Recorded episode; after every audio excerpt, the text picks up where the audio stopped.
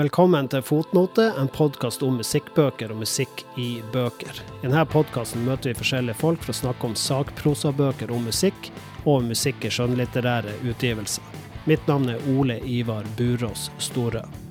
I dagens episode skal vi via Zoom snakke med forfatter og frilansjournalist Zack Schoenfeld fra New York, Zack ga på slutten av 2020 ut ei bok i serien 33 og en tredjedel om 24 Carat Blacks sitt eh, mesterverk fra 1973, Getto Misfortune Welt'. Welcome, Zack.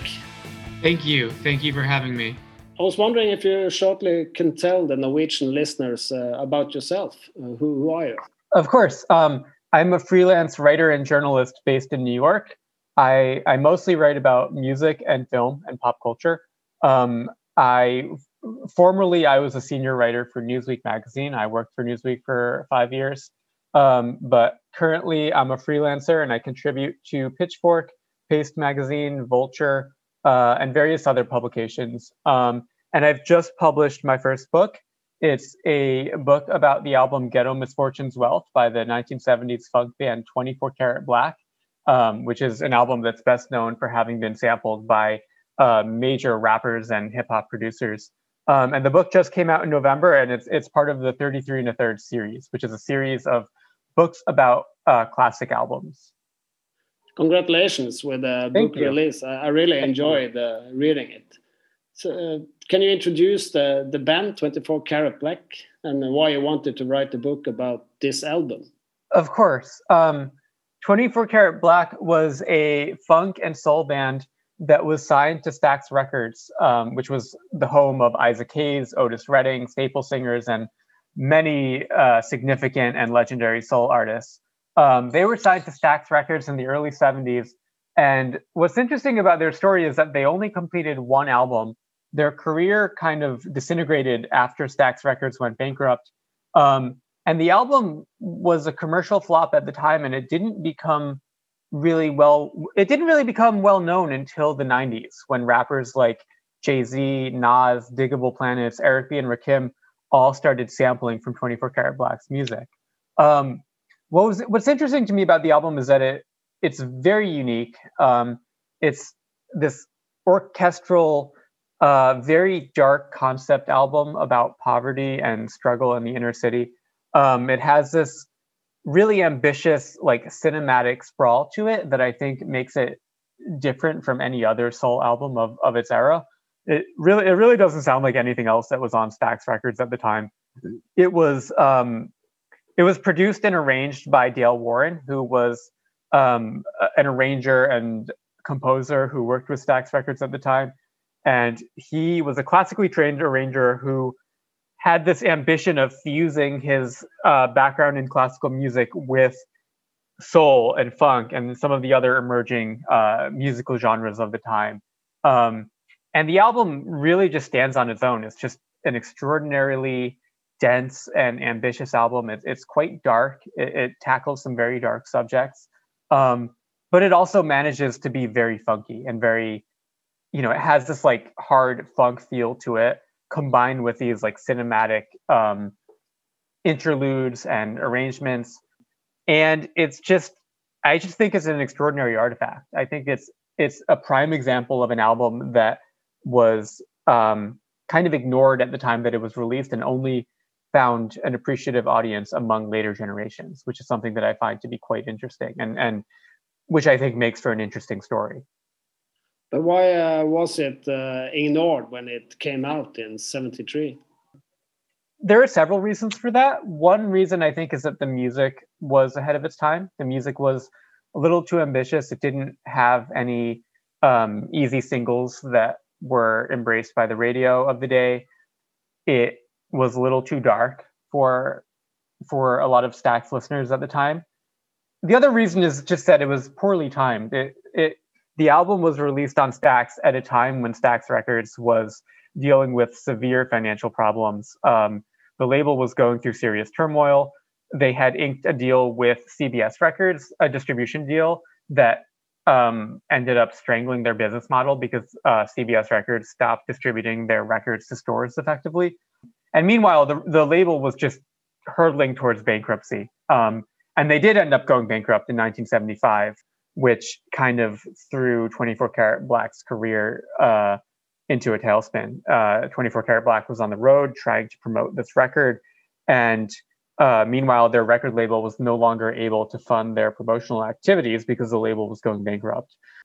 The album was kind of sabotaged by some of the label problems that were occurring in the background. And, and as I was telling the story of 24 Karat Black in the book, um, I also ended up telling the story of Stax Records' downfall because these two stories were very much intertwined. And I, I do wonder if the album had been released under happier circumstances, would it have found more of an audience? Would it perhaps have performed better? And, um, you know, w- would the outcome have been different for these musicians? Was it uh, well received by the critics at the time, or it was mostly ignored, as far as I can tell. Um, there, there's, I did some digging in in newspaper archives, and there was very little that was written about 24 Karat Black at the time that they uh, released this album. I, I think people just ignored it, and it was regarded as a commercial failure. And 20 years later is when people finally started realizing how incredible the album is um, after rap producers kind of resurrected it from obscurity.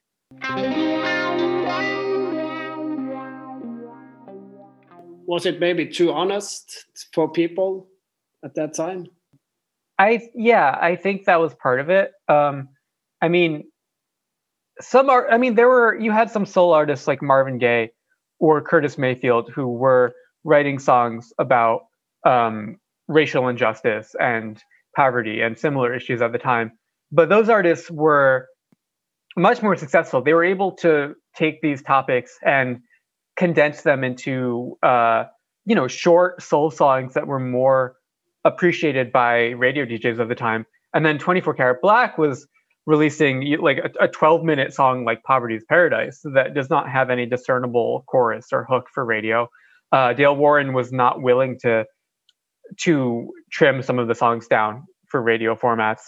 Um, and I think it just I, it went over people's heads, and the album was quite gloomy and depressing. And unfortunately, it, it didn't find an audience until many years later. So Dale Warren is, uh, I mean, it's kind of, it's his project in one way, but what kind of very much so? Uh, how did he put the band together? One of the interesting aspects of the story is that the musicians who performed on the record were teenagers. They were quite young. Um, some of them were barely out of high school when this album was recorded. And meanwhile, they their music was being composed and kind of molded by this much older composer um, who by that point had already worked with major major acts like Isaac Hayes um, and the, the Staple Singers, really majorly successful soul artists of the early 70s and late 60s. And the backstory is that 24 Karat Black started as a high school band in the 60s um, in Cincinnati, Ohio. And the band was called the Ditalians. They were performing under a different name. Um, and they, mo- they were playing at high school dances and talent shows. And they were not playing the kind of music that you hear on Ghetto Misfortune's Wealth. They were performing like upbeat uh, top 40 hits of the day, uh, upbeat R&B and soul songs. They were playing party music basically. And meanwhile, this eccentric composer Dale Warren happened to encounter he he knew he knew one of the older brothers of some of the members of of the group and he was introduced to their music and he happened to see them perform at a show and um, he was blown away by their music and he was so he had been lo- basically he had been looking for musicians who were capable of bringing to life his vision of combining soul music with classical and he needed to find the right musicians who were proficient enough to carry out his vision.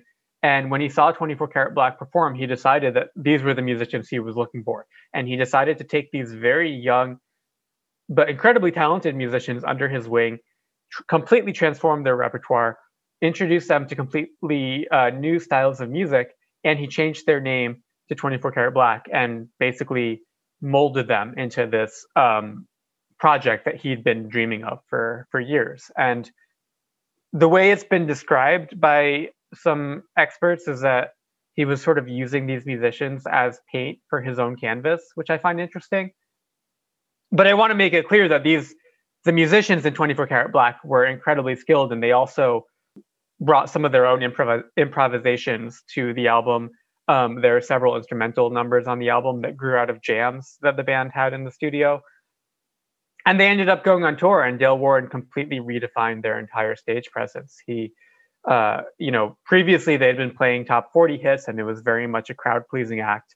And after the Ghetto album came out, um, their show was very theatrical. It was completely um, organized around the central conceit of this album, um, which was all about poverty and injustice in the inner city. And Dale Warren introduced skits and dramatic elements into their show. And they're they're performing in these pretty small clubs where audiences did not know what audiences didn't understand their act or what they were seeing. It was kind of a chaotic experience for them to go on the road promoting this album that nobody cared about, you know, performing these incredibly theatrical, ambitious shows in, you know, clubs where people were just wanted to dance or get drunk.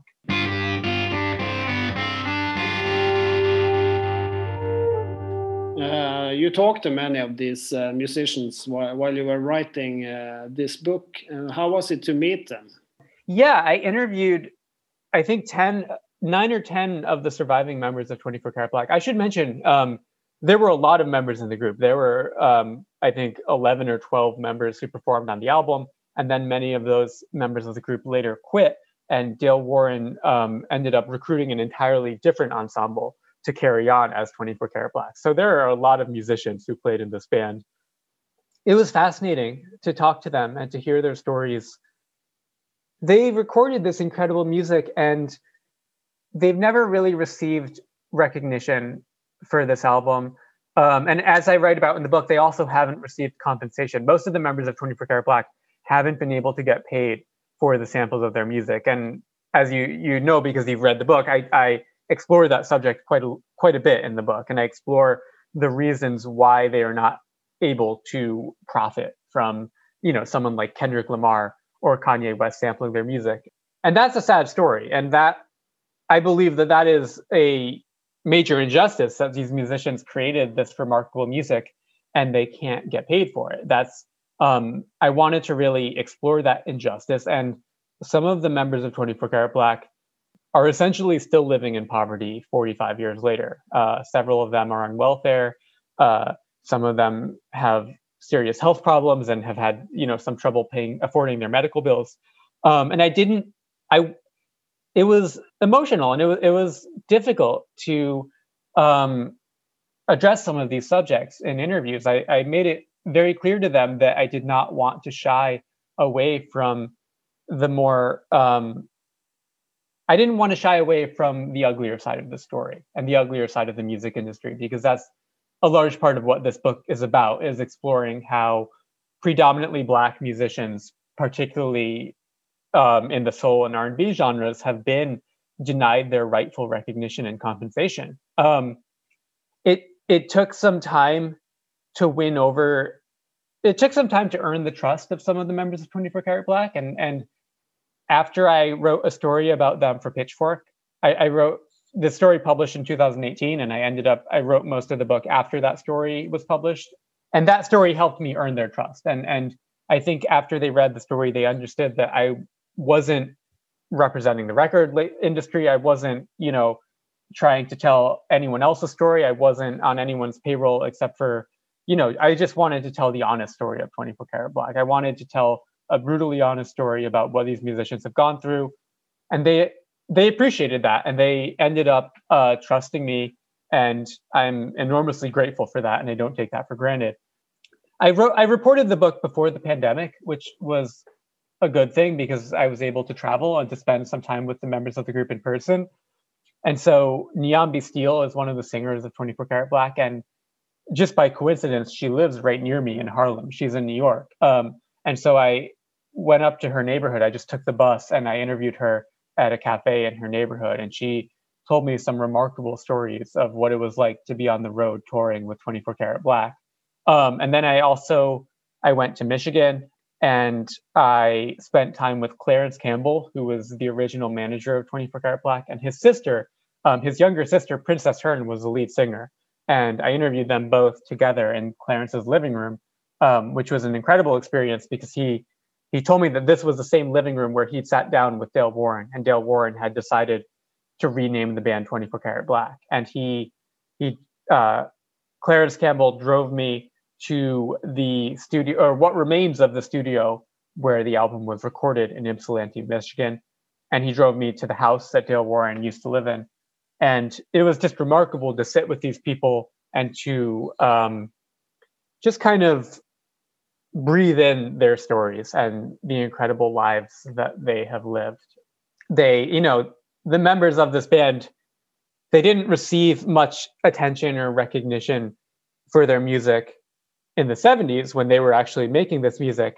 And and then in the 90s when their music was being sampled by all these rappers, many of them were oblivious. They weren't aware that Nas and Jay-Z were using 24 Karat Black's music on their albums. And so I think they found it meaningful to, you know, finally have people taking an interest and showing appreciation for their music. And I was very honored to be in that position to to talk to these musicians and to convey to them that their music lives on and that their music means something to future generations in ways that they perhaps did not imagine in 1973. That was very meaningful to me and often quite moving. So, what do you think of the samples that has been done uh, from this record?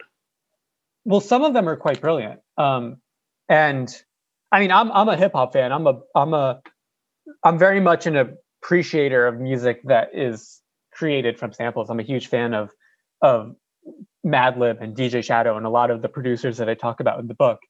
I think that 24 Karat Black's music has been sampled in some very creative contexts. And one of my favorites is uh, the Eric B. and Rakim song "In the Ghetto," which is an incredible song, and it's significant for having been one of the one of the first songs, or I think the first rap song ever to sample 24 Karat Black.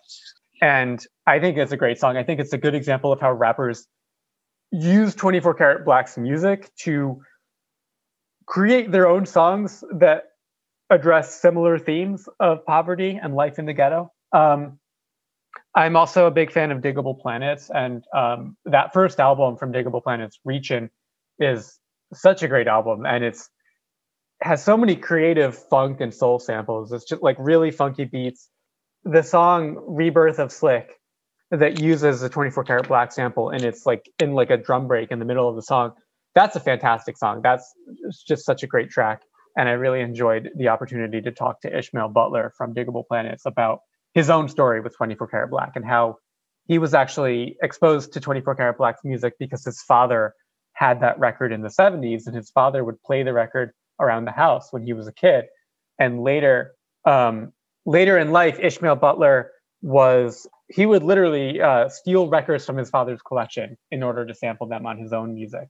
Um, and I love that story because it's such a it's such a literal embodiment of music being passed down from one generation to the next. And that's something that I find really interesting about sampling is the way that sampling is kind of this vocabulary in which musicians can borrow elements from a previous generation's music, perhaps their their parents' generation's music, and reinterpret it in ways that speak to their own generation. That's something that I find very interesting.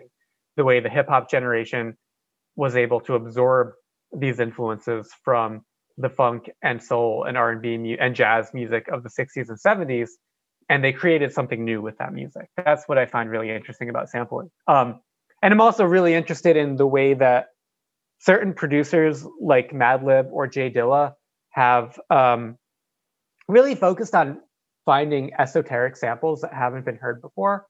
You know, the culture of the era is that every rap producer was sampling James Brown or Parliament Funkadelic. And then Madlib was very determined to find more obscure stuff that hadn't been sampled before. And that culture motivated producers and crate diggers to start sampling things like 24 karat black, which wasn't overplayed, wasn't particularly familiar to a lot of listeners. And I mentioned Madlib in the book. Um, another sample that I think is really good is the the Nas album, uh, Nas's second album, it was written features a song called Nas is Coming, which was produced by Dr. Dre. And the entire hook on that song is an interpolation of a 24 karat black song. But what's interesting about it is that Nas and Dr. Dre, um, they re-recorded the hook with, with new vocalists and they changed the lyrics. The 24 karat black song goes, it's goes, Papa's coming, Papa's coming. And they changed it to Nas is coming, which I thought was a creative take on 24 karat black. And that, you know, that's another example of, of an album that sold millions of copies. I think it was written was one of the best-selling rap albums of 1996, and it's just remarkable to me that that album features 24 Karat Black so prominently. Yet a lot of a lot of rap fans, a lot of Nas fans haven't heard of 24 Karat Black, and and um, I wanted to try and I wanted to try and bring their story into the light, you know, bring their story out of the shadows and and get some more people to appreciate their music. I would like for the book to bring more recognition and appreciation for the members of 24 Karat Black. And I, I would like for more people to hear their music um, because it's extraordinary music. And if you're a rap fan, if you've been a rap fan at any point in the past 30 years, you've almost certainly heard snippets of the music, perhaps without realizing it. And that's one of the things that I find very interesting about 24 Karat Black. I've mentioned that the members of the band haven't been able to get paid for for the samples of their music, and I certainly would like my book to bring more public scrutiny to the fact that they haven't gotten paid, and I certainly would, you know, my, you know, I, I think it would be wonderful if my book would help correct that situation. If my book would perhaps inspire or motivate some of these record labels that own the rights to their music to distribute reparations to the members of 24 Karat Black. I, I realize that that might be a pipe dream, but I, I, certainly think that reparations are in order for these musicians. I think they deserve to get paid for their music. One of my goals with this project was to um, let people know that these musicians haven't get, gotten paid. Let the record labels know, let the rights holders know, and let some of the rappers know that the members of 24 Karat Black have not gotten paid for any of these samples. I wanted the book to tackle every. I wanted the book to provide some insight into every single song. Um, the 33 and a third series. One of one of the um, one of the great things about the series is that it's an opportunity to, for writers to really explore an album in great detail um, and to dig into an album in more detail than a blog post or an album review would allow and I wanted my book to provide that context for fans and listeners, um, people who are into this kind of music. Going track by track seemed to make the most sense um, because the album is sequenced so deliberately. And it also provided an opportunity um, in the book. I'm sure you notice that as I talk about each track one by one, I also provide a list of notable samples of that particular track. Because every every song on 24 Karat Black's album has been sampled at least once by a significant rapper or producer. Um, and I wanted to provide like a little directory of as you're listening to the album, as you're reading my book, you could you could see a little list of hey, like this song was sampled by Naughty by Nature. This song was sampled by uh, RZA.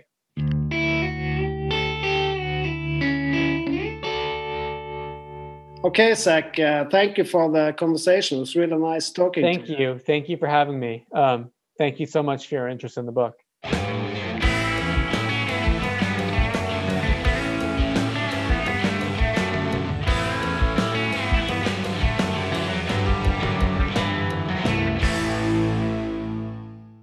Fotnote presenteres av musikknyheter.no og er laga av Ole Ivar Burås Storø. Les mer om gjestene og artistene på musikknyheter.no. Intro av Raymond Jensen og jingles av Jan Roger Trønnes.